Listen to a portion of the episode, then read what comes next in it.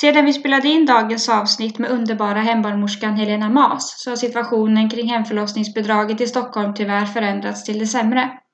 Förra veckan fick vi veta att bidraget till hemförlossningar i Stockholm nu riskerar att tas bort.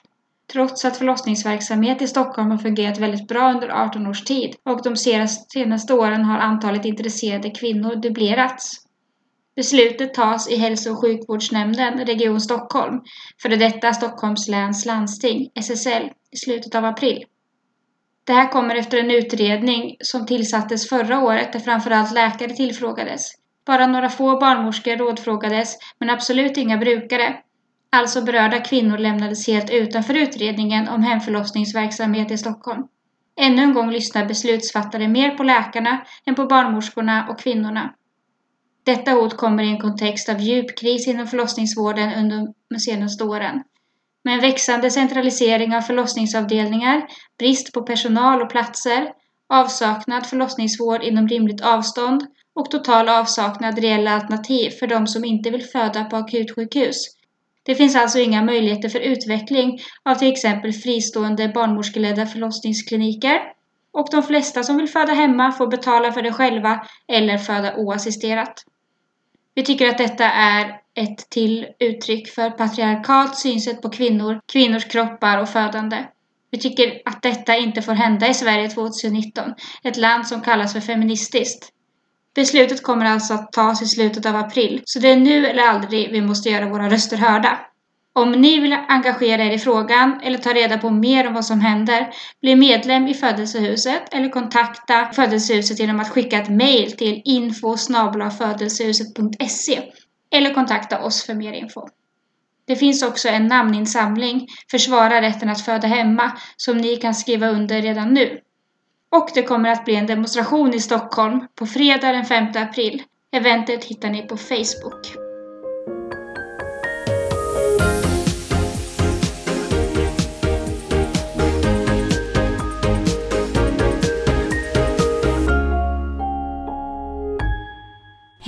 Välkomna! Ni lyssnar på Dola-podden med mig, Anna Bjelkefelt. Och med mig, Dolores Calvo. Idag har vi en gäst här som heter Helena Mas. Hon är utbildad barnmorska och aktiv hembarnmorska och också legitimerad akupunktör. I Sverige är det ungefär 100 förlossningar eh, per år som sker i hemmet. Och det är bara Stockholms och Västerbottens län som är med och finansierar hemförlossningar.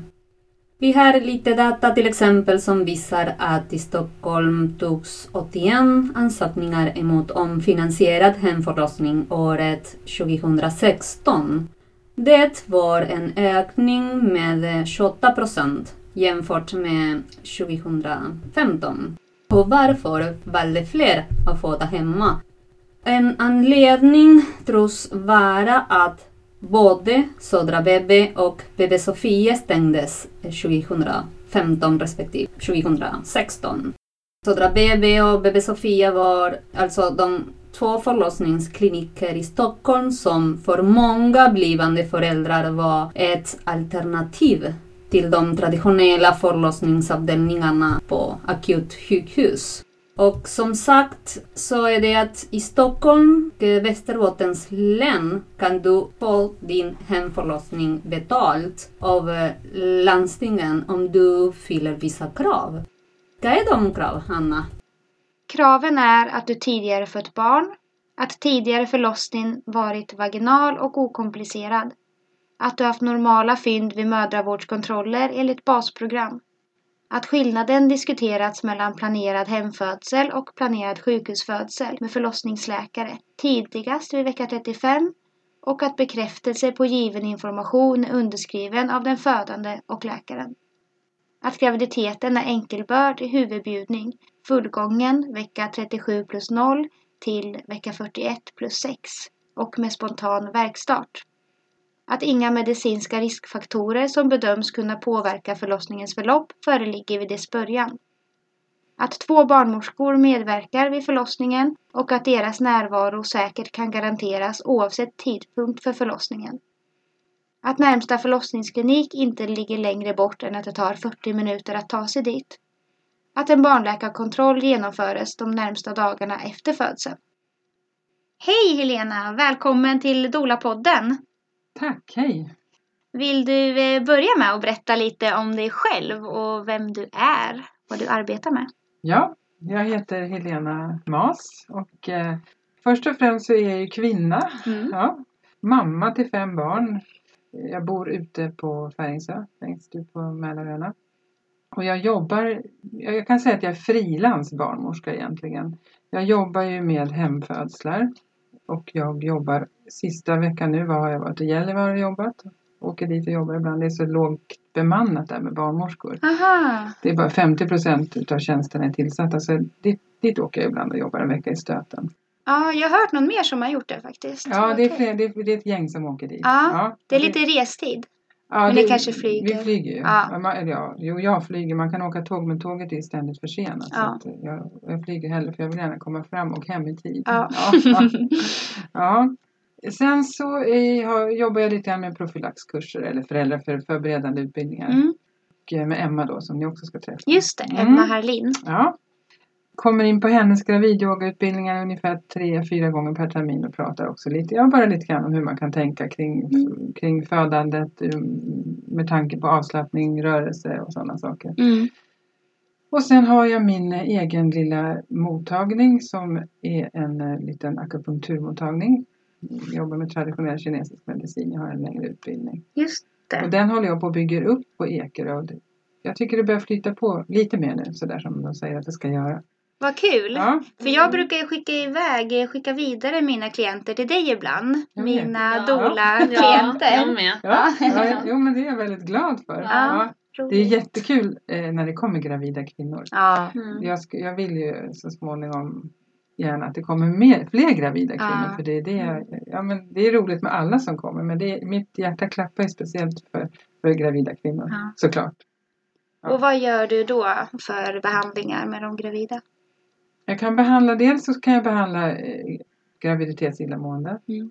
Det finns ju studier som visar på väldigt bra resultat och mina egna erfarenheter är att det är väldigt gott resultat på illamående. Mm. Akupunktur. Ja, akupunktur. Mm. Sen kan jag behandla eh, vad heter det, bäckenuppluckring, alltså bäckensmärtor. Mm. Också haft, det har jag också haft väldigt fina resultat. Akupunkturen är ju smärtlindrande och också antiinflammatorisk. Och det som ni brukar rekommendera era kvinnor att komma för det är om de har gått över tiden. Ja. Sätter, sätter, sätter man ett, ett, eh, speciellt recept med punkter som är förbjudna Mm. graviditet för att de kan eh, trigga igång en födsel. Så helt enkelt ett, eh, vad ska man säga, ett, ett induktions, ett igångsättningsrecept. Mm. Ja. Mm. Och jag, jag har sett bra resultat på det också. Mm, vi också. Ja.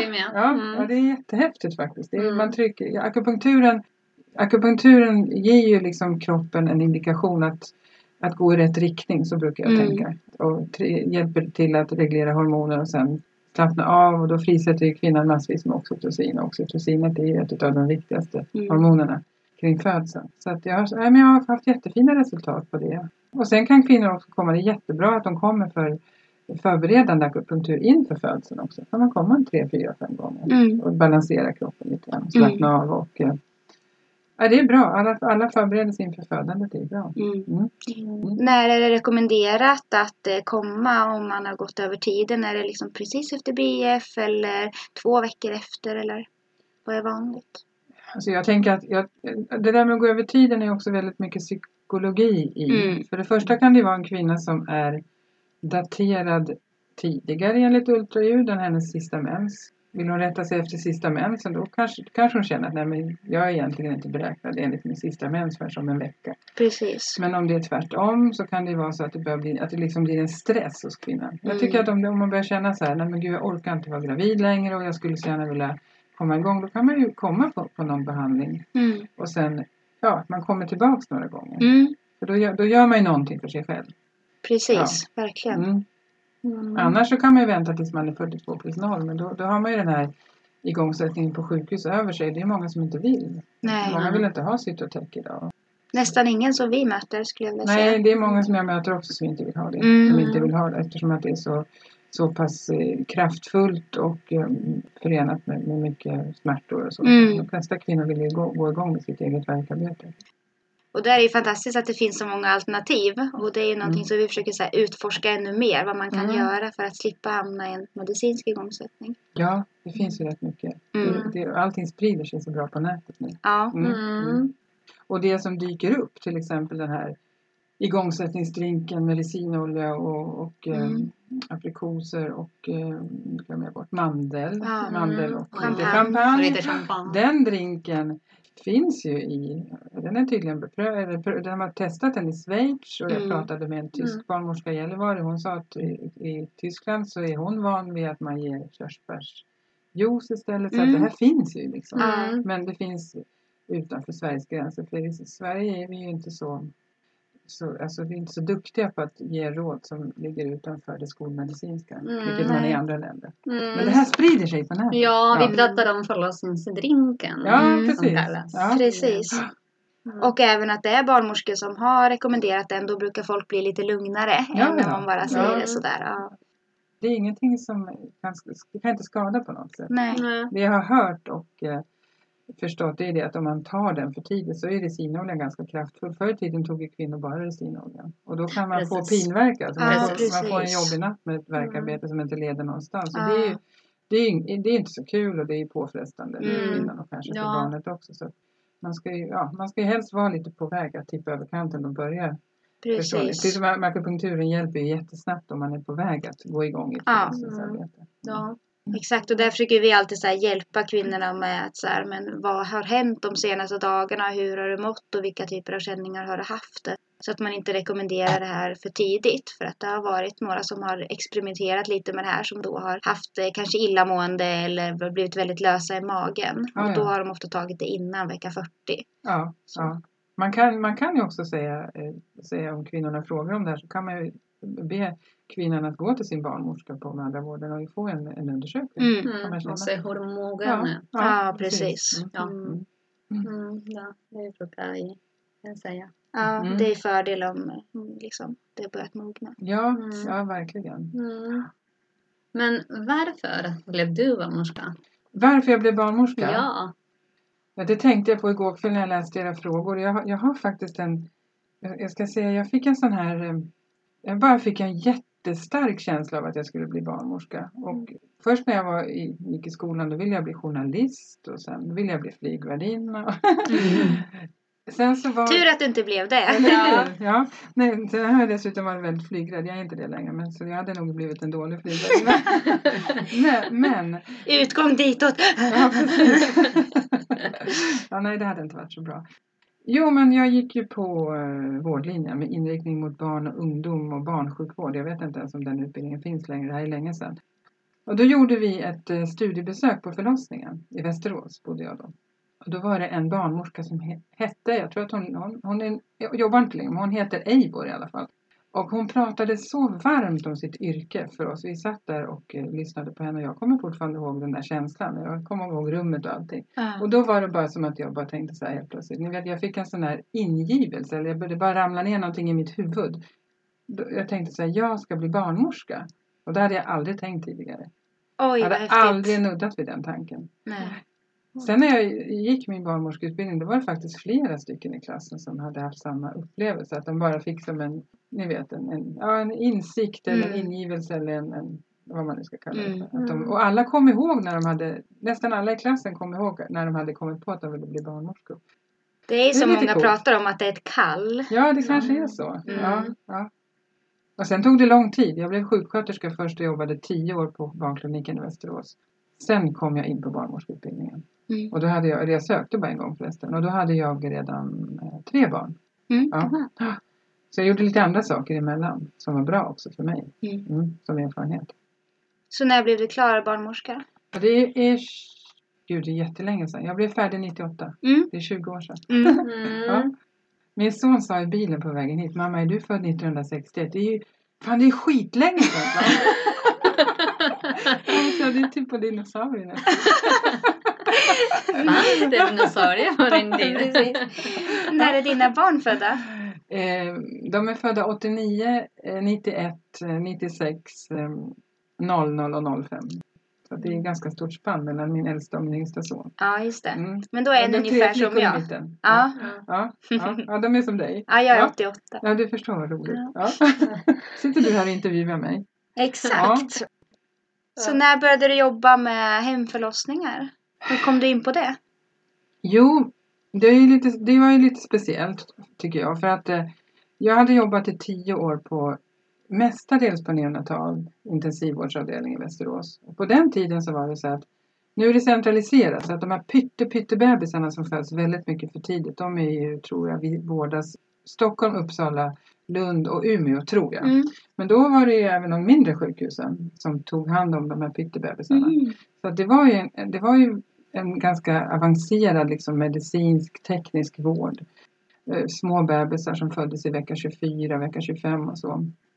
Eh, och det, så då jobbade jag med det i tio år och också, också då, alltså, dit kom också bebisar som har infektioner och som, med missbildningar och sådana saker. Det här var också innan ultraljud så då föddes det ju mer fler barn med svåra missbildningar så, som överraskning liksom för föräldrarna. Så att det, det har jag också varit med om. Så att den här vården var ju väldigt eh, Alltså det var ju, det var ju mycket kuvöser och respiratorer och, och, och mycket mediciner och så. Mm. Och vi fick ju springa till förlossningen på larm när det var dåliga barn och eh, vi fick åka till Uppsala med dåliga barn i ambulansen. Så att, alltså egentligen så borde jag ha blivit rädd och tänkt att jag aldrig ens skulle våga föda barn. För att, ja, men vi fick ju alltid springa när det var dåliga Ja. barn och hjälpa till. Men sen så började jag på mm, barnmorskeutbildningen och eh, nej, men sen var det så här att när jag födde mina egna barn så var jag helt inställd på att jag ville föda så naturligt som möjligt. Jag gick här profylaxkurs på den tiden och fick ju andas på ett speciellt Mm. sätt, psykoprofylaxandning. Och jag vet att när jag kom in och skulle få mitt första barn Max, då sa jag så här, jag vill ha en barnmorska som hjälper mig att andas och slappna av, sa jag. Och jag vill inte ha petidin, vilket jag fick ändå för att de ville att jag skulle sova för det var på natten. Och jag och jag vill inte ha någon epidural. Så jag hade väldigt klart för mig att jag ville föda så naturligt som Mm. möjligt. Och Jag var kom hade- det ifrån? jag vet inte. Jag Nej. hade, det, jag hade bara det där tänket. Ja. det här var ju också på 80-talet. Mm. Och på 80-talet var det lite annorlunda än vad det är nu. Alltså Mm. Man hade ju en annan syn på, på, på födandet. Och det var, jag, tror att det var, jag tror att barnmorskorna jobbade kanske mer självständigt. Och, och, eh, nej, jag tycker att eh, så patologiserat som födandet är idag var det inte på den tiden. Nej. Jag vet inte var jag fick det där ifrån. Men jag, det var i alla fall min, in- min, min känsla av att så här vill jag föda. Mm. Och det, jag tycker nog att det blev ganska bra.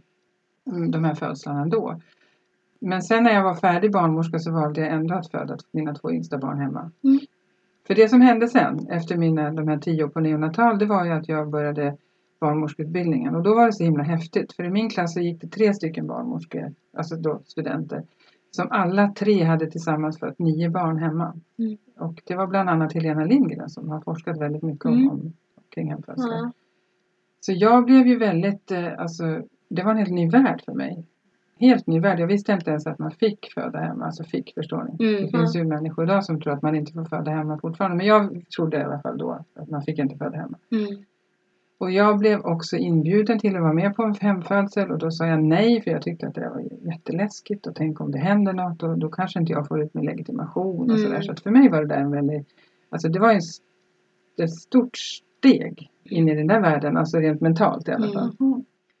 Men eh, sen hade vi en väldigt, väldigt eh, bra, öppen, rolig läkare, Kaj Wedenberg, som alltid avslutade alla våra lektioner med att vi hade här filosofiskt samtal, tror jag att han kallade Mm. det för. Då var frågan fri och vi diskuterade allt möjligt. Och då blev det väldigt mycket diskussioner.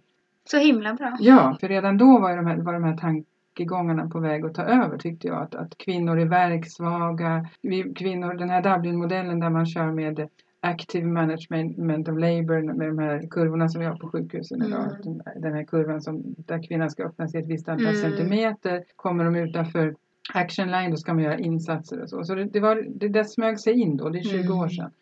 Och all, jag tror att alla vi som gick utbildningen kände att det där känns ju inget bra. Kvinnor, varför är kvinnor verksvaga och så vidare? Jo, kanske för att det är så stressig miljö på sjukhusen och sådana saker. Men det där var på väg in då. Så vi hade mycket diskussioner och mycket diskussioner kring hemfödslar. Och jag blev inspirerad av mina klasskamrater. Jag blev väldigt inspirerad. Och sen åkte jag under min barnmorskeutbildning tre veckor till Ystad för där hade ju Signe Jansson byggt upp en Mm. fantastisk Mm. klinik. Mm. Så där hade jag faktiskt ganska många av mina födslar.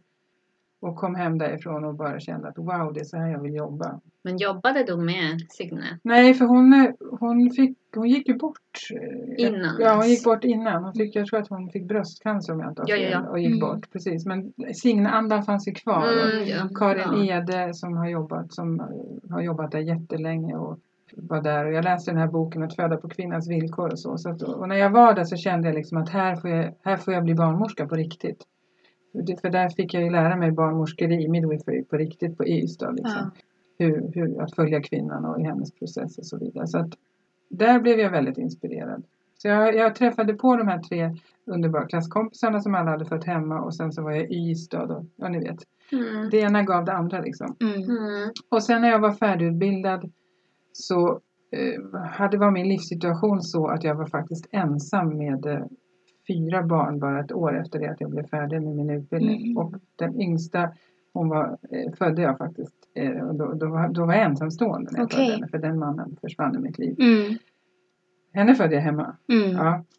Men då kunde jag inte göra någonting annat än att hålla mitt huvud ovanför vattenytan i något år och Mm. bara jobba lite på förlossningen i Västerås.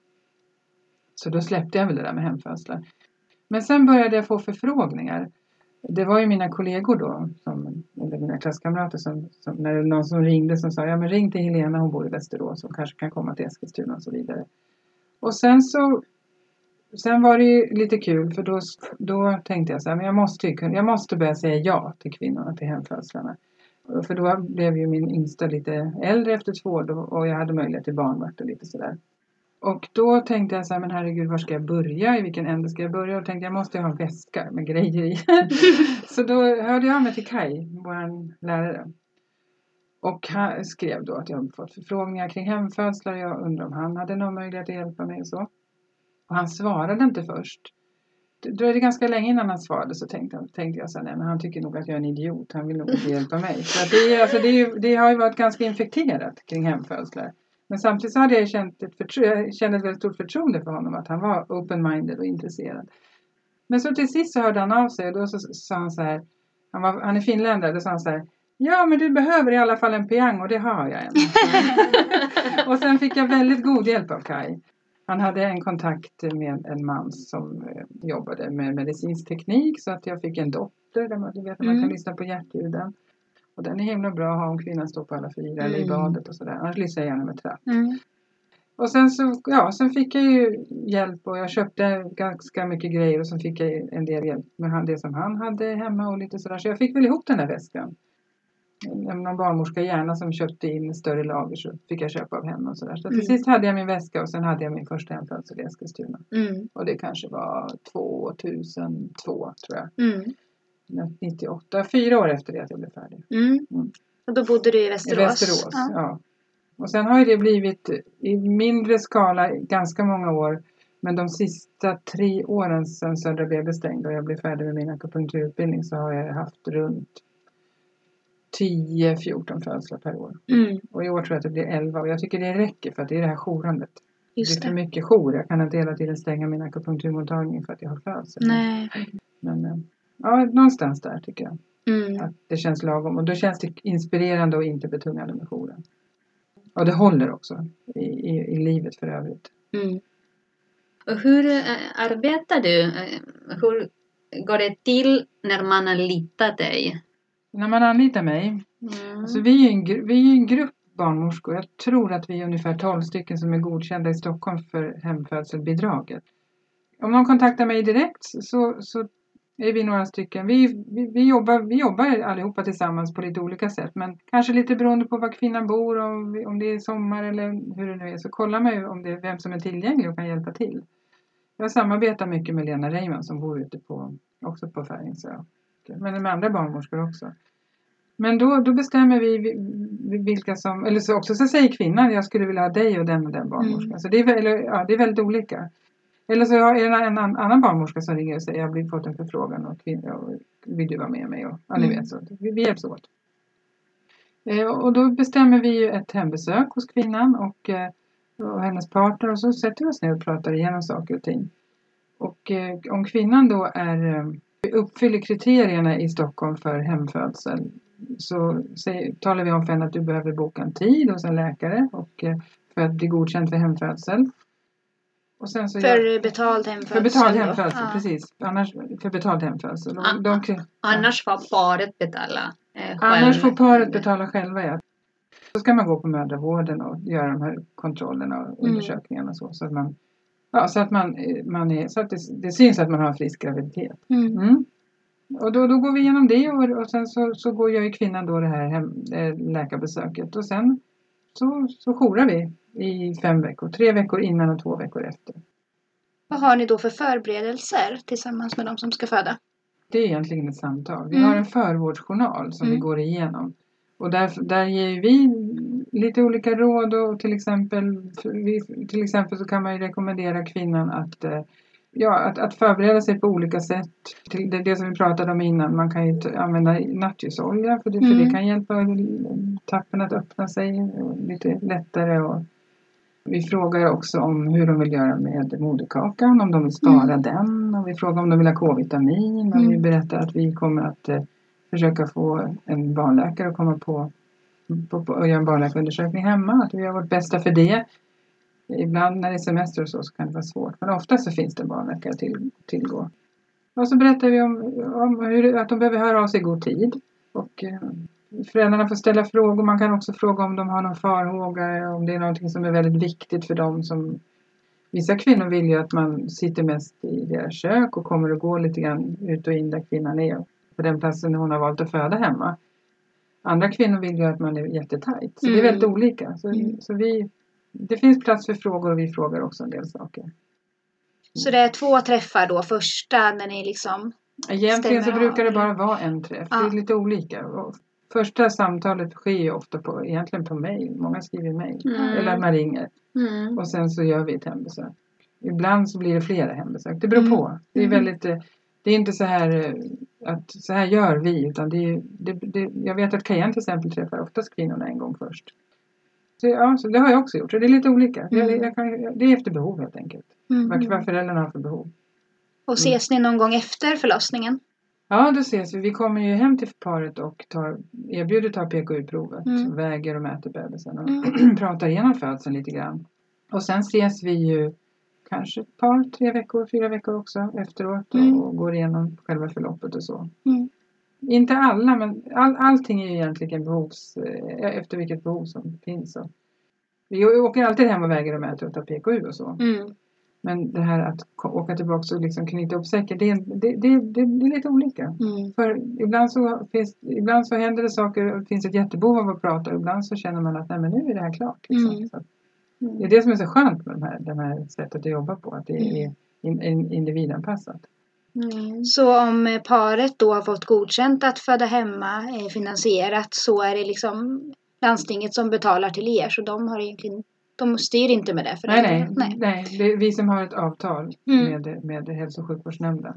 När kvinnan har varit hos då läkaren och blivit godkänd, fått den här okej-stämpeln i rumpan, Mm. så skickar vi in en ansökan Mm. till eh, HSN, hälso och sjukvårdsnämnden och sen så får vi ett besked att den här, nu är den här kvinnan godkänd för hem, betald hemfödsel. Det är Mm. så det går till. Kommer kvinnor till er som eh, ska betala? Betala privat? Ja. Ja, jag tycker det har blivit, jag, jag, jag uppfattar, upplever att det har blivit vanligare. När BB, BB, södra BB stängde och eh, BB Sofia stängde så blev det ju väldigt stö, mycket större efterfrågan på hemfödslar. Ja, vi läste ju det här procentuellt hur Ja. mycket det har ökat. Ja, hur mycket var det då? Jätteintressant. Eh, 28 procent mellan 2015 och 2016. Ja, Mm. det är helt otroligt. Mm. Ja. Vad kostar det? Vad det kostar att föda hemma om man betalar privat? Mm. Ja, jag tror att det- är också lite individuellt men någonstans runt mellan 22 och 25 000. Jag Ja. vet att i Uppsala så kostar det 25 000 att föda hemma. Så det är också lite individuellt. Mm. Vad, vad, Och kanske Vad variera det är- om det är förstföderska eller... ja, men, det- ja men precis. Ja. Förstföderskor tar ju ofta lite längre tid. Mm. Ja. Så, men det är samma sak där att eftersom att vi är som barnmorska får man ju handha den normala födseln och då, vi alla, alla vi har ju egna företag och då, kan, då är ju prissättningen också fri men man vill ju Mm. samtidigt att kvinnorna och deras partner ska kunna betala för Mm. födsel. Mm. Arbetar ni hur många timmar som helst på en förlossning? För det första så brukar vi prata om det på besöket innan. Det kan ju hända att till exempel om det är en förstföderska att kvinnan ringer och sen åker en av oss barnmorskor hem. Och så, om kvinnan vill det så kan man göra en vaginalundersökning och konstatera att det här är, det här är latensfas. Du är bara precis på väg att starta upp. Mm. Och så kan man, kan man säga det att hör av dig igen och så kan man hålla kontakt på telefonen och då har man ju på ett sätt inlett sitt arbete med den här kvinnan och hennes födsel. Eller också så ringer kvinnan och så åker vi bägge två för att man bedömer att det här är ju på gång nu ordentligt. Va? Så att, eh, och så blir man kvar så föder kvinnan. Så det kan ju se väldigt olika ut men jag menar det finns ju också en, en gräns där, det, där, man upplever att det har jag varit med om där vi har upplevt att den, den här kvinnan och det, då, då, då är min upplevelse att då förstår kvinnan också det själv. Att det här funkar inte hemma. Det, kvinnan kanske är väldigt vägsvag på slutet och, det, och, och man upplever att det, behövs någonting mer för att hon ska kunna föda.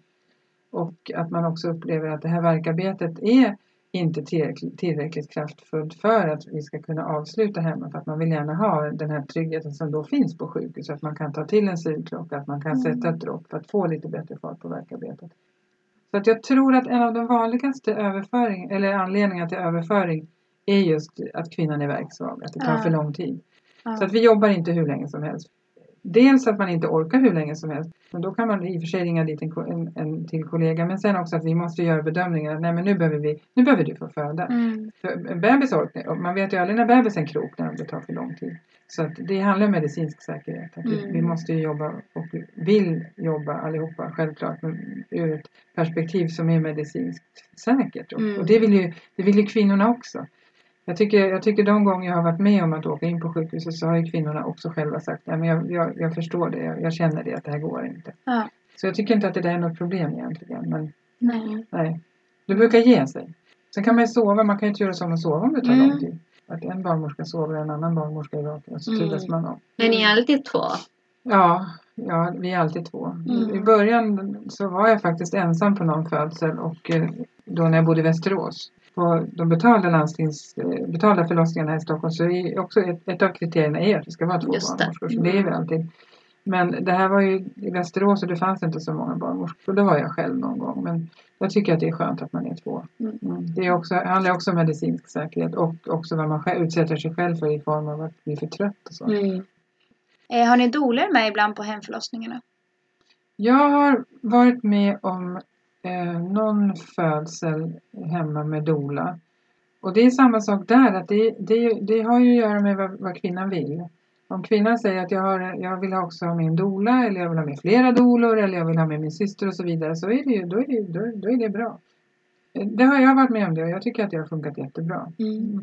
Får ju olika roller. Mm. Ja, Mm. man får ju olika roller. Men, men den här gången jag var med, det var i somras, då var det en doula med och eh, det var jättebra. Hon sa så här, jag, jag är med för att hålla energin uppe och för att liksom hjäl, hjälpa innan att ja, massera och sådana saker. Nu gör, gör jag också det när jag jobbar med Mm. hemfödslar. Men om hon är där så, ja då tog jag steg tillbaks för då var de tajtast. Liksom. Mm. Så att, och sen om det tar lång tid så är det ju bra att man är flera. Mm.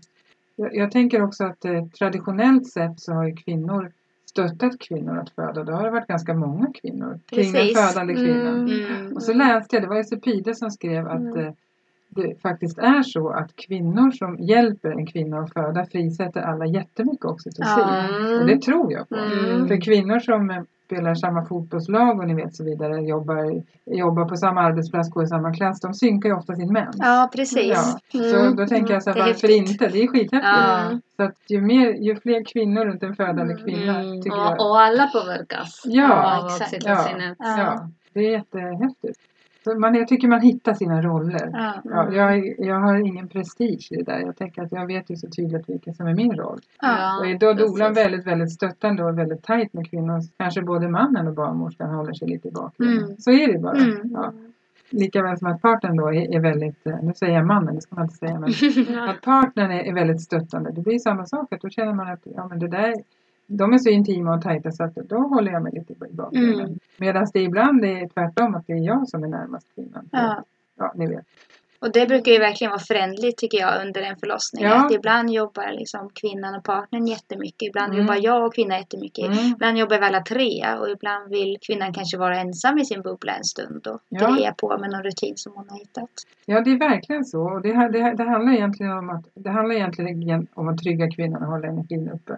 Hjälpa henne att slappna av och så Mm. vidare. För att, eh, och, och då är det bra om man är flera. Mm. För, för det är ganska ansträngande också för de som är är med på en födelse. Ja. Faktiskt. Absolut. Min känsla är verkligen att man kan inte ha för mycket stöd när man föder barn. Alltså som, jag Nej. hade inte en doula när jag födde och det var jättefint men jag skulle ändå vilja ha helst typ två doulor nästa gång. För att det finns Mm. alltid någonting som doulan kan göra som gör Ja. det liksom ännu lite bättre. Mm, mm. Jo, men jag tänker också så. Att, att det, Mm. det kan inte bli det kan liksom inte bli för bra. Nej. Nej. Sen så är det alltid personkemin i alla mänskliga sammanhang. Ja. Jag har hittills aldrig stött på någon, något problem eller så. Nej. Nej. Jag brukar inte ha så svårt för att samarbeta med folk överhuvudtaget. Men jag vet på Södra BB så var det någon gång som, för där, där, där, där jobbade vi ju med, eh, med 100% närvaro på rummet. För vi hade ju bara en, en familj i taget på Södra BB. Mm. Men jobbade du på Jag har, Södra jobbat, BB? jag har jobbat där i, som timanställd när jag pluggade mm, kinesisk medicin. Och Då jobbade jag ganska mycket, kanske 50 procent i perioder. Mm. Mm. Så jag jobbade där. Men, och då vet jag någon gång att, att jag kände att jag, jag tror den dolan kanske upplevde att hon, jag tror att hon blev lite förvånad över att vi var så nära kvinnan. För Mm. att, eh, annars är det inte så på sjukhus. Om barnmorskan har fler kvinnor som föder så kan man ju inte vara fokuserad på kvinnan hela tiden. Precis. Men, men då vet jag, då började jag fundera kring det där att, att, eh, ja, att det inte lika, att det kanske inte var lika nödvändigt där eftersom att vi var så närvarande på rummet. Mm. Men, men kvinnan, om kvinnan har det behovet så, som vi precis pratade om så är det ingenting som är fel. Nej. Nej, Nej. egentligen ingenting som är fel. Nej. För någon gång har man ju mött på, jag kommer inte ihåg vilken doula-kollega det var som sa det, men som kom till en förlossning och så sa barnmorskan direkt, men vi behöver inga doulor här. Eh, och för det första känns ju det väldigt tråkigt att få Mm, höra när man mm. kommer till jobbet såklart.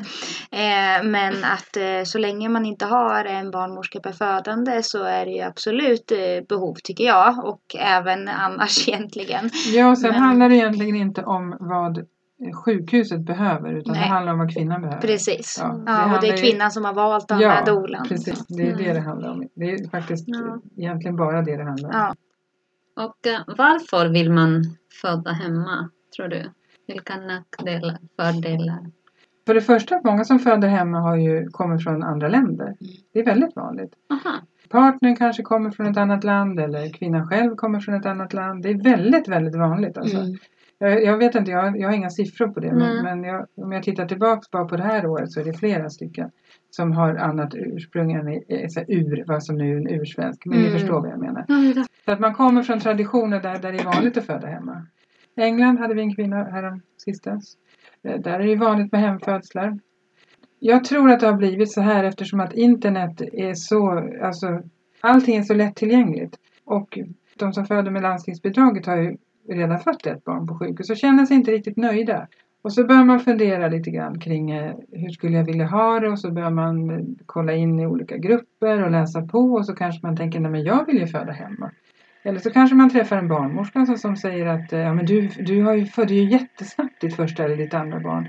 Det skulle ju vara jättefint för dig om du kunde föda hemma och vet du att det finns, den möjligheten finns i Stockholm. Det, det finns ju barnmorskor som rekommenderar också även Mm. trots att de inte jobbar med hemfödslar.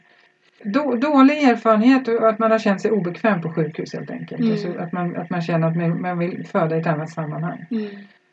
Kvinnor som föder hemma är ju oftast väldigt, väldigt pålästa. Alltså. Ja. Ja, väldigt pålästa och eh, de, de vet, de vill det här. Jag tror att man har en känsla av, av att man vill vara mer, man vill vara autonom när man föder barn. För det är det, det, är det kvinnor blir när de föder hemma. Vi klampar ju inte in i någons hem och börjar bestämma utan vi kliver in som gäster när vi kommer som hembarnmorskor. Det kvinnans, I kvinnans hem, ja men det är ungefär som vård i livets slutskede eller annan hemsjukvård. Att man får vara i sitt eget hem där man känner sig trygg. Man har ett större inflytande och man får en, har mycket större integritet i sitt eget hem. Så det är, jag tror, eller det är alla de här frågorna som, som kvinnorna har funderat kring och då har de kommit fram till att nej men jag är nog tryggast hemma. Eller så har man kanske en, en mamma som har fött hemma eller man har kompisar som har fött hemma. Och när BB Sofia och Södra BB stängde så var det många som sa det att jag, jag hittar inget alternativ för de här två mer personliga enheterna där man fick ett mer personligt bemötande har stängt. Så att, nu vill jag föda hem. Ja, det är, nog, det är ungefär så det ser ut. Det är intressant tänker jag det här sambandet mellan att hemfödslar har ökat så mycket och att man ändå att de uttrycker det här med att det var inte så bra när jag födde på sjukhus. Alltså det är som ett resultat då att ökar hemfödslarna. Ja, Och vad ja. säger det om vården tänker jag? det bekräftar ju det som, som många barnmorskor inom vården vittnar om. Man Mm. läser hela tiden, speciellt på sommarhalvåret, så hur pressad situationen är Mm. på sjukhusen. Mm. Hur otroligt pressat det är och eh, att man helt enkelt inte hinner med. Man hinner inte ge kvinnorna den här omvårdnaden och Nej. den här närheten som egentligen borde ligga hos, på, på, alltså på barnmorskans roll. Så var det när jag gick utbildningen. Då, då, var det då låg det på barnmorskans roll att stötta kvinnan och vara med på rummet. Det Mm. fanns ju inte en doula i Sverige då Nej. för 20 år sedan. Och, och att det har vuxit fram också den här do, rörelsen med doulor. Det är också en följd av att kvinnor känner sig Absolut. eh, övergivna på Mm. sjukhus. De känner sig övergivna. Mm. Och partnern känner sig övergiven också för att jag menar hur lätt är det för en ung kille till exempel att stå på ett stort sjukhus och försöka stötta en kvinna som har jätteont och Mm. känner sig helt över sig given. Så, så det blir en jättepressad situation för alla. Mm. Att man inte har någon på rummet som bara är där hela tiden och Mm. bara bekräftar hela tiden att det är normalt, att det är bra. Och, Precis. ja. För det är eh, oftast av den anledningen eh, födande kontaktar oss också. Att de har haft en första väldigt jobbig upplevelse av förlossningen och Ja. inte vill hamna där igen. Nej men precis, Eh. Eller, ja, Mm. eller att man har hört om de här som har haft jobbiga förlossningar på Mm. sjukhus och blivit just överkörda och inte lyssnade på. Vilka tycker du Helena är de stora skillnaderna mellan att föda barn på sjukhus och hemma? På, på sjukhus finns det ju PM och eh, i, i PM så står ju bland annat att kvinnan eh, att man ska undersöka kvinnan med, inte kvinnan egentligen, utan man ska lyssna på bebisens hjärtljud med en viss frekvens och eh, när kvinnan är i aktivt värkarbete så ska man registrera en sån här CTG-kurva ungefär varannan timme och dessförinnan så ska man också hålla, lyssna med Doppler, alltså, eller med tratt. I Norge där jag jobbar på sommaren så är det ju inte så. För är man, en, är man grön mamma, alltså man är helt frisk och har en normal graviditet så används inte CTG överhuvudtaget. Inte när de kom, kommer in till sjukhuset heller. Och CTG är det ju många kvinnor som upplever som otroligt jobbigt. Mm. Och nu pratade vi just om det att det finns telemetri på vissa ställen där man, inte, där man har sladdlös CTG. Men eh, då sa ju du att de där doserna kan man tappa så att man har ju Ja. ändå inte fri rörelse. Man är ändå inte fri att röra sig hur som helst. De flesta sjukhus där jag har jobbat på, där, finns, där är det CTG med sladdar. Och då blir ju kvinnan sittandes i sängen ungefär 20 minuter, en halvtimme. Mm. Och det är varannan timme. Så att det, Mm. Då- avbryts ju hela förloppet om kvinnan rör sig och, och, och är Mm. uppe och går eller om hon badar till exempel. Ja. Då måste man ur badet och, och man behöver sitta still och det är jättejobbigt om man har ont att sitta still. Så bara det är ju en, ett väldigt avbrott och man inkräktar ju kvinnans, alltså, man inkräktar ju kvinnans frihet att röra sig som Ja. hon vill. Hemma har vi inte CTG. Vi lyssnar ju på hjärtljuden hemma självklart för, för att eh, det, det vill man ju göra. Man vill ju höra att bebisen mår bra. Då kan man ju smyga dit sin lilla tratt eller den här som jag sa som doppler när man lyssnar. Mm. Väldigt enkelt. Kvinnan är fri i sitt eget hem att eh, bada hur länge hon vill och ja, liksom vara vad hon vill och göra vad hon vill. Och det är man inte på sjukhuset på samma sätt. Också så tittar ju vi, vi tittar ju som jobbar hemma, vi tittar ju på hur ser kvinnan ut? Hur, hur låter kvinnan? Man kan känna på vaderna faktiskt och känna att eh, ju mer öppen man är, det har jag lärt mig av en engelsk barnmorska, ju mer öppen, alltså modermunnen öppnar sig ju upp till lite drygt 10 centimeter när, när livmodertappen har plånat ut sig. Och ju mer öppen kvinnan är, desto kallare är vaderna och när, man, när hela vaden är kall upp till knät så är, är kvinnan ofta helt retraherad, heter det inom. Gud vad häftigt. Ja, det är jättehäftigt. Mm. Det ska vi ta med oss. Ja, det får ni ta med er. Och jag tänker att det är samma, jag tycker att det är samma fenomen som en, eh, när man har ätit mycket mat. Mm. Då fokuserar, då, fokuserar sig blodet runt magsäcken och runt matsmältningsapparaturen. För att, och då får man ju paltkoma. Mm. Då blir man ju trött, man får ingen energi i huvudet. Mm. Man kan känna sig nästan lite durrig och frusen om man är övermätt. Det, jag tänker det är samma sak här fast här är energin och värmen fokuserad 100% inte riktigt men alltså extremt fokuserad kring, kring livmodern och kring att, eh, den aktiviteten som sker där. Mm. Och då tas ju kylan från andra delar av kroppen och energin. Mm. Så jag, nu har jag provat det här några gånger och jag, jag tycker att det har stämt nästan varenda gång. Mm. Den här engelska barnmorskan sa att eh, om kvinnan är öppen, eh, om kvinnan kommer in till sjukhuset och du känner på hennes vader och de är iskalla upp till knäna, då får ni skynda er, sa hon. Hade, ja, det, det är kul att läsa sådana där grejer. Så vi undersöker egentligen inte alltid speciellt ofta. Vi gör inte så mycket vaginalundersökningar hemma Nej. och då gör man ju det i samförstånd med kvinnan. Mm. Och de flesta kvinnor vill ju inte bli vaginalundersökta. Man kan ju titta på väldigt många andra. Det finns också en, en eh, ni vet man kan få en sån brun rand Mm. upp till naveln när man är gravid. Mm. Men man har, man har också en liknande brun rand mellan skinkorna. Just det, jag läste ja, om det där. Ja, Mm. som flyttar sig. Jag vet, Den heter något speciellt som inte jag Linjen, kommer ihåg. linjen, Linje- linjen, nej, Ja, det får ni ta reda på och berätta i Ja. nästa. Linjen någonting. Ja, Mm. och den där, det är som en termometer. Den, den, den flyttar sig högre, högre, högre Mm. upp. Och när den är högst uppe, nästan vid svanskotan, då är det samma sak där. Ja. Då, då, då kan man, då, om man då skulle göra en undersökning så, så känner man att kvinnan är helt öppen. Så det Mm. finns ju jättemycket tecken att titta på. Mm. Så kvinnan får ju vara mer i fred hemma och behöver inte hela tiden utsättas för de här sjukhusrutinerna som är väldigt, väldigt störande för många. Mm. Jag känner ju själv när jag födde på sjukhus att jag blev så störd av allt det där. Mm. Och de här vaginalundersökningarna kan också upplevas som en prestation hos kvinnan. Ja. Men gud, är jag inte öppen mer Mm. än si och så mycket? Samtidigt som man vet att ett tu tre så kan det smälla till och en kvinna kan öppna sig från 5 cm till retraherad och börja krysta på Ja, 20 minuter hade jag en kvinna nu Mm. när jag var i Gällivare. Det gick så fort. Mm. Mm. precis. Kvinnan är autonom hemma.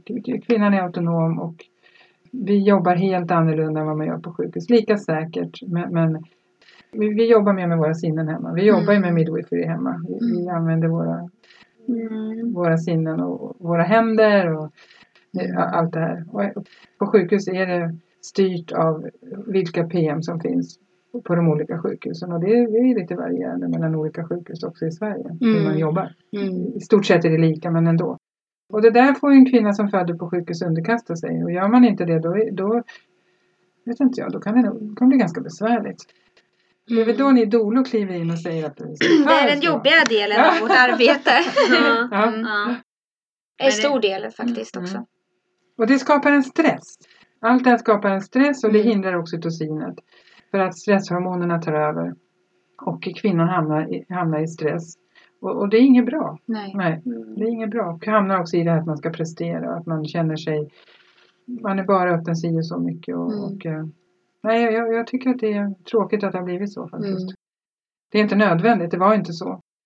I Ystad när jag var där så var det inte alls på det sättet. Och jag menar, det har ju funnits tider när man inte höll på så här som vi gör nu. Jag vet inte varför det har blivit så här. Men det är väl hela utvecklingen. Mm.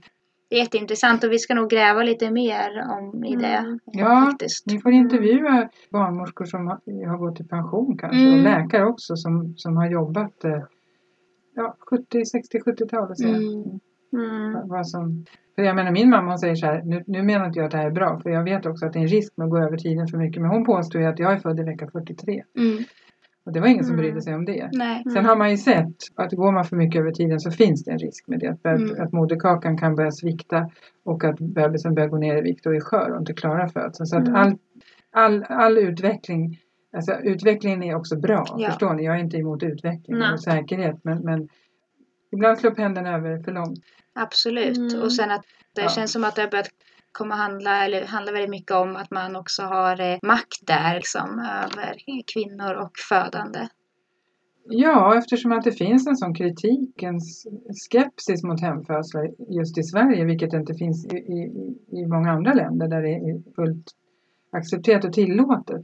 Så, Mm. så funderar man ju då i den riktningen ibland. Att var, var ligger, varför, varför finns det en sån skepsis? För? Mm. Vad, handlar, vad handlar det om? Det, får- det får ni rota om. Mm. Ja. Det är mer i, det, har jag, det får jag Mm. fundera på det också ibland. Vad, är det Mm. liksom, vad är det som styr? Mm. Mm. ja, vi undrar också varför det finns så mycket motstånd Mm. mot Mm. hemförlossning Mm. i allmänhet. Ja. Och, eh, men i, i synnerhet bland läkare och förlossningsläkare också. Ja, för vi ska, vi ska ju arbeta, vi som har legitimation av Socialstyrelsen, enligt vet- vetenskap och väl beprövad erfarenhet. Mm. Och både vetenskapen, den externa vetenskapen, alltså ni vet regelrätta forskningar som görs på olika sätt, samt eh, den, den väl beprövade erfarenheten hos oss barnmorskor och också patienternas upplevelser är ju, det pekar i en, det är en så bra riktning, det är en så bra verksamhet. Mm. Utfallet alltså hur kvinnorna mår efteråt, hur barnen mår Mm. efteråt är ju väldigt, väldigt Mm. bra. Man har ju sett i Mm. studier att Apgar-poängen, alltså där man bedömer bebisen efter födseln, eh, med vissa, hur vitala de är, om de andas själva och så vidare, hur hjärtat slår, är ju högre hemma. Mm. Så att det finns ju ingenting som visar att en hemfödsel är farlig på något sätt. Nej. Farligare. Och ändå Tvärtom. känns det som att det ignoreras de här, den här Ja. forskningen. Det, och det, det är tragiskt. Vi, Mm. Det var en doula som skickade ut inför valet eh, frågor till de olika politikerna gällande Mm. ha eh, godkända hemförlossningar eller Mm. godkända fler hembarnmorskor att Mm. assistera. Eh, det var ju väldigt många partier som bara svarade nej på alla hennes frågor. Ja, det har jag nog inte om. Nej. Ja. Eh, och det var ganska intressant för att det finns ju ingen kunskap i det här om ämnet när man svarar på de här frågorna. Utan det är sådär. Nej, det var intressant att läsa. Jag får skicka över det till dig. Ja, och att man också, man också använder det. Man använder ett argument som inte håller vetenskapligt Ja. till att eh, skrämmas och säga att det, det här är jättefarligt och det är Mm. oansvarigt och så vidare. Jag Mm. tycker att det har blivit bättre faktiskt. Jag tycker Mm. att det är mycket som jag, jag upplever att det är mycket som, som öppnar sig just nu i, i vår, vårt samhälle. Jag tror att det beror på att folk är så vakna, att informationen sprids så snabbt. Mm. Så jag tycker nog att, tycker att, det, att man ser glimtar av att det förändrar sig. Att, att det öppnar sig också Mm. i en annan riktning. Jag hoppas att det, att det stämmer.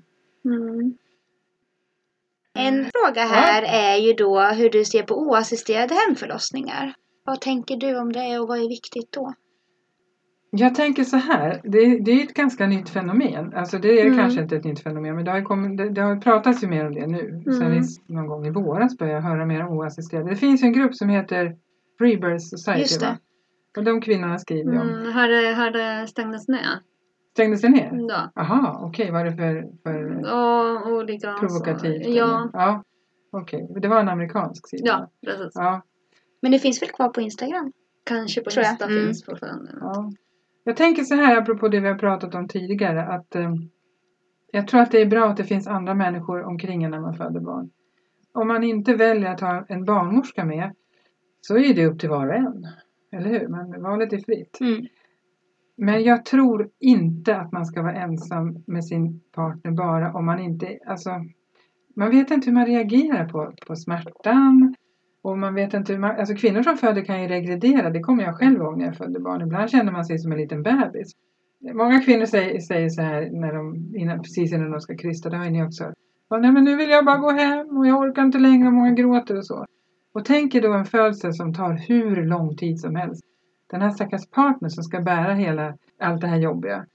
Så att jag tror att man kanske ska tänka så här att den och den kan jag ringa och den och den kan jag ringa och den och den kan jag ringa. Och sen att man inte ska vara för stoisk i det här utan blir det för tufft så att man åker in till ett sjukhus. Ja. Eller att man kanske har en deal med en barnmorska. Kan du komma? Jag vet inte om det är möjligt. Förstår ni hur jag Mm, tänker? Ja. Jag tänker att man kanske inte ska utsätta sig själv för att vara helt ensam i det här.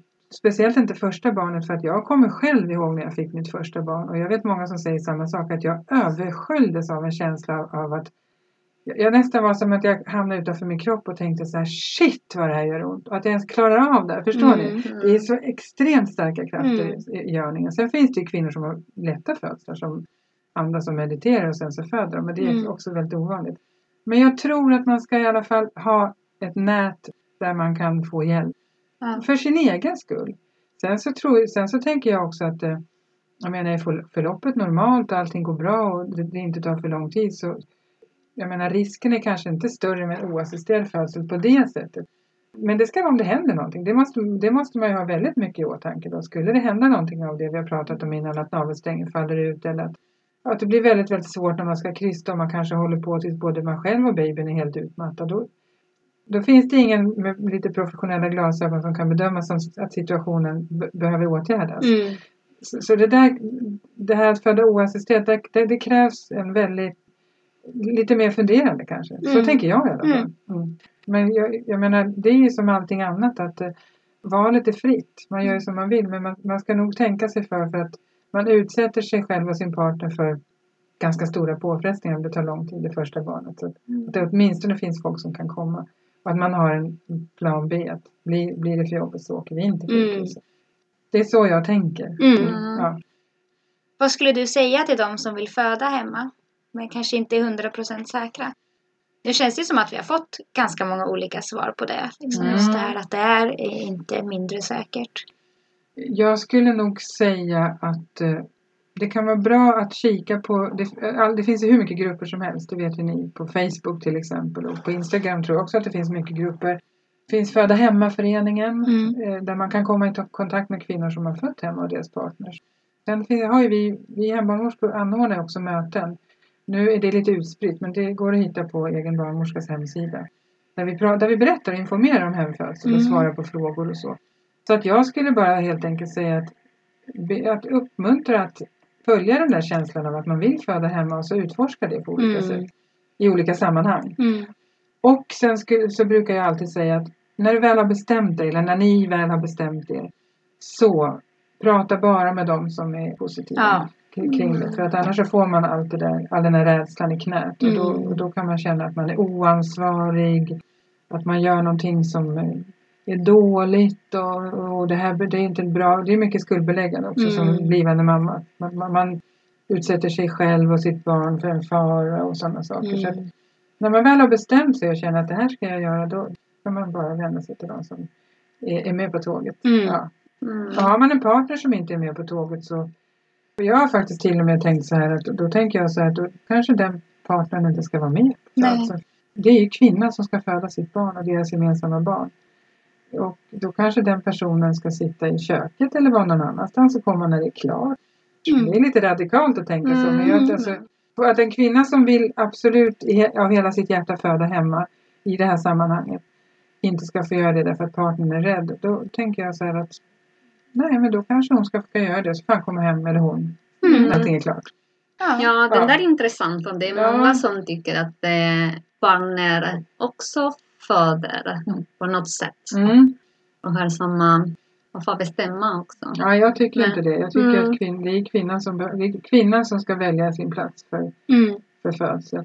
Jag tror inte i ursprungskulturer att, eh, att männen har haft så mycket med födslarna att göra egentligen. Mm. Nej. Kvinnorna Nej. har ju gått undan och fött sina barn tillsammans med andra kvinnor. Mm. Det finns ju en underbar bok, har ni läst det Röda tältet? Nej. Mm, ja. Du har läst den? Ja. Den är ju fantastisk. Ja. Den Och den, handlar- när, vi pratade om mens Ja, med mm, ja. jag. Ja, den är underbar. Det handlar ju om en grupp kvinnor som, det var ju på biblisk tid, de lever tre eller fyra kvinnor kring en man. Jakob tror jag att det var. Mm. Eh, Och de har ju ett rött tält där de menstruerar Mm. och pysslar om varandra under mensen. Mm. Och sen föder de också där. Mm. Och där har inga män tillträde. Nej. Så det här är ju en kvinnosak Mm. egentligen. Sen är det ju underbart att män i, i vår del av världen är med. Och Mm. jag tycker det är fantastiskt. Ja. Alltså, tänk vilken utveckling. Absolut. En fantastisk Mm. Oh, utveckling. Det är, tänk vilken skillnad mot Mm. hur det var. Mm. När jag är född, jag är tidigt 60-tal. Det var inte alla män som var med på födslar då. De Nej. gick utanför och, och, och bilder på en man som står utanför och röker. Och, Mm. ni vet. Mm. Jag åker till puben så kommer Ja, jag sen. precis. Mm. Så att det är ju fantastiskt. Är det. Men, men om det finns en tveksamhet där så, så är det jätteviktigt att kvinnan får välja sin plats var hon vill föda. Mm. Mm. Ja. Och vi pratade om att det är medicinskt eh, säkert att föda hemma. Ja, Vad behöver man att tänka på inför en hemfödsel när det kommer när det gäller risker och socker? du tänker på Äta. kvinnan. Ja, generellt. Så det som skulle kunna hända under en hemfödsel det är ju att moderkakan av någon anledning släpper innan barnet är ute. Och det, det är väldigt ovanligt. Det kan ju Mm. vara till exempel om det är väldigt mycket, om det är för mycket vatten, fostervatten. Mm. Eller vid tvillingfödslar. Men alltså det är väldigt, väldigt, väldigt ovanligt. Så man, man behöver ju ha det i åtanke. Skulle det av någon anledning behövas en urakut insats med ett katastrofsnitt så får man inte det hemma. Det är bra att man processar det. Att man Mm. vet det helt enkelt och har Mm. bestämt sig för att det här är så viktigt för mig så att jag, skulle det hända så, så, så vet vi det. Vi barnmorskor har ju i vår väska läkemedel för att kunna stoppa en blödning. Vi Mm. har ju med oss en sån här Rudens blåsa så att vi kan också ventilera ett dåligt barn hemma. Vi är ju tränade i att ge först, alltså hjärtkompressioner och så vidare. Och eh, vi kan sätta en, en, en infart och vi kan sätta på ett dropp och så vidare. Så vi har, vi har ju med oss i vår barnmorskeväska läkemedel och annat för att, för att Mm. ta hand om en akut situation. Mm. Som inte är just det jag nämnde, att eh, moderkakan till exempel lossnar, vilket är otroligt ovanligt. Mm. Navelsträngen kan ju ramla ut när vattnet går och då får, man, får kvinnan ställa sig snabbt knä med rumpan upp. Mm, det pratade vi om i förra Ja, avsnittet. det, ja, okej. ja, men Ja. så att jag menar, man, det finns ju en kunskap kring vad man ska göra. Ja. Och, och då får man ju se till att göra det. Mm. Man har ju den beredskapen som barnmorska. Har man, ju, man har ju en beredskap. Och ni, och ni upptäckte, um, ni kan se i god tid när någonting. Ja, så skulle navelsträngen åka ut så känner kvinnan det. Men, Mm. men jag, menar, jag, känner, jag tänker så att vi har, man, har en, man har en mental beredskap. Ja. det är ingenting man säger. Ja. Man, man går ju inte runt och är nervös och tänker. Nej. Utan jag känner mig väldigt, väldigt lugn med hemfödslar. Men Mm. Skulle det hända något så finns det en kunskap och en beredskap till att Precis. agera i rätt riktning. Mm. Och så får man ringa efter en ambulans i sådana fall. Tänker man på det som att tänka igenom sådana här saker helt enkelt. Mm. Och som barnmorska så får man också ta ställning till om det inte är en, en talfödsel från landstinget för då finns det ju väldigt tydliga kriterier. Men om kvinnan går mycket över tiden och, och ska betala själv och så vidare då får man ju själv ta ställning till vad, vad, jag, hur vill jag, vad, vill jag, vad kan jag ta ansvar för. Mm. Det är individuellt. Men när det handlar om, om, om hälso och sjukvårdsnämndens kriterier då är det ju glasklart vad vi har att förhålla oss till.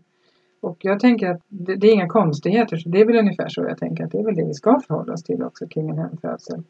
Men om kvinnan går några dagar över tiden och, och mår bra och går på ett ultraljud och allting är bra så, så tänker jag att då finns det ingen anledning att hon inte ska få föda hemma. Man behöver både, både de som föder hemma och vi som hjälper till och behöver vi fundera lite grann kring sådana saker. Mm. Och ta ställning också till det som dyker upp. Mm. Det ingår i att jobba med människor. Och jag tror att om man funderar på att föda hemma att det kan vara en bra idé att liksom träffa några av de här hembarnmorskorna och verkligen Mm. få ett ansikte och en bild. Och man kanske har eh, föreställningar som man inte riktigt vet var det kommer ifrån eller så. Att man Ja, får en bild på dem att eh, okej men de här människorna kommer att kunna vara med mig. Ja men precis. Förhoppningsvis från början till Mm. slut och Mm. det här är liksom. Mm. Så att man känner det här förtroendet. Ja, och där, där sa du någonting. För det är ju också skillnaden mellan att föda på sjukhus och Ja. föda hemma. Mm. För föder man hemma, då vet man ju vem som kommer. Mm. Då har man ju själv valt den personen och Ja. känt att den här barn, kvinnan, det är ju, vi är ju bara kvinnor som jobbar med det här. Den här kvinnan känner jag jättestarkt förtroende Mm. för och Mm. Man ser fram emot att barnmorskorna, eller kvinnorna, man, känner, man ser fram emot att barnmorskorna ska komma och så vidare. Och så Mm. vidare.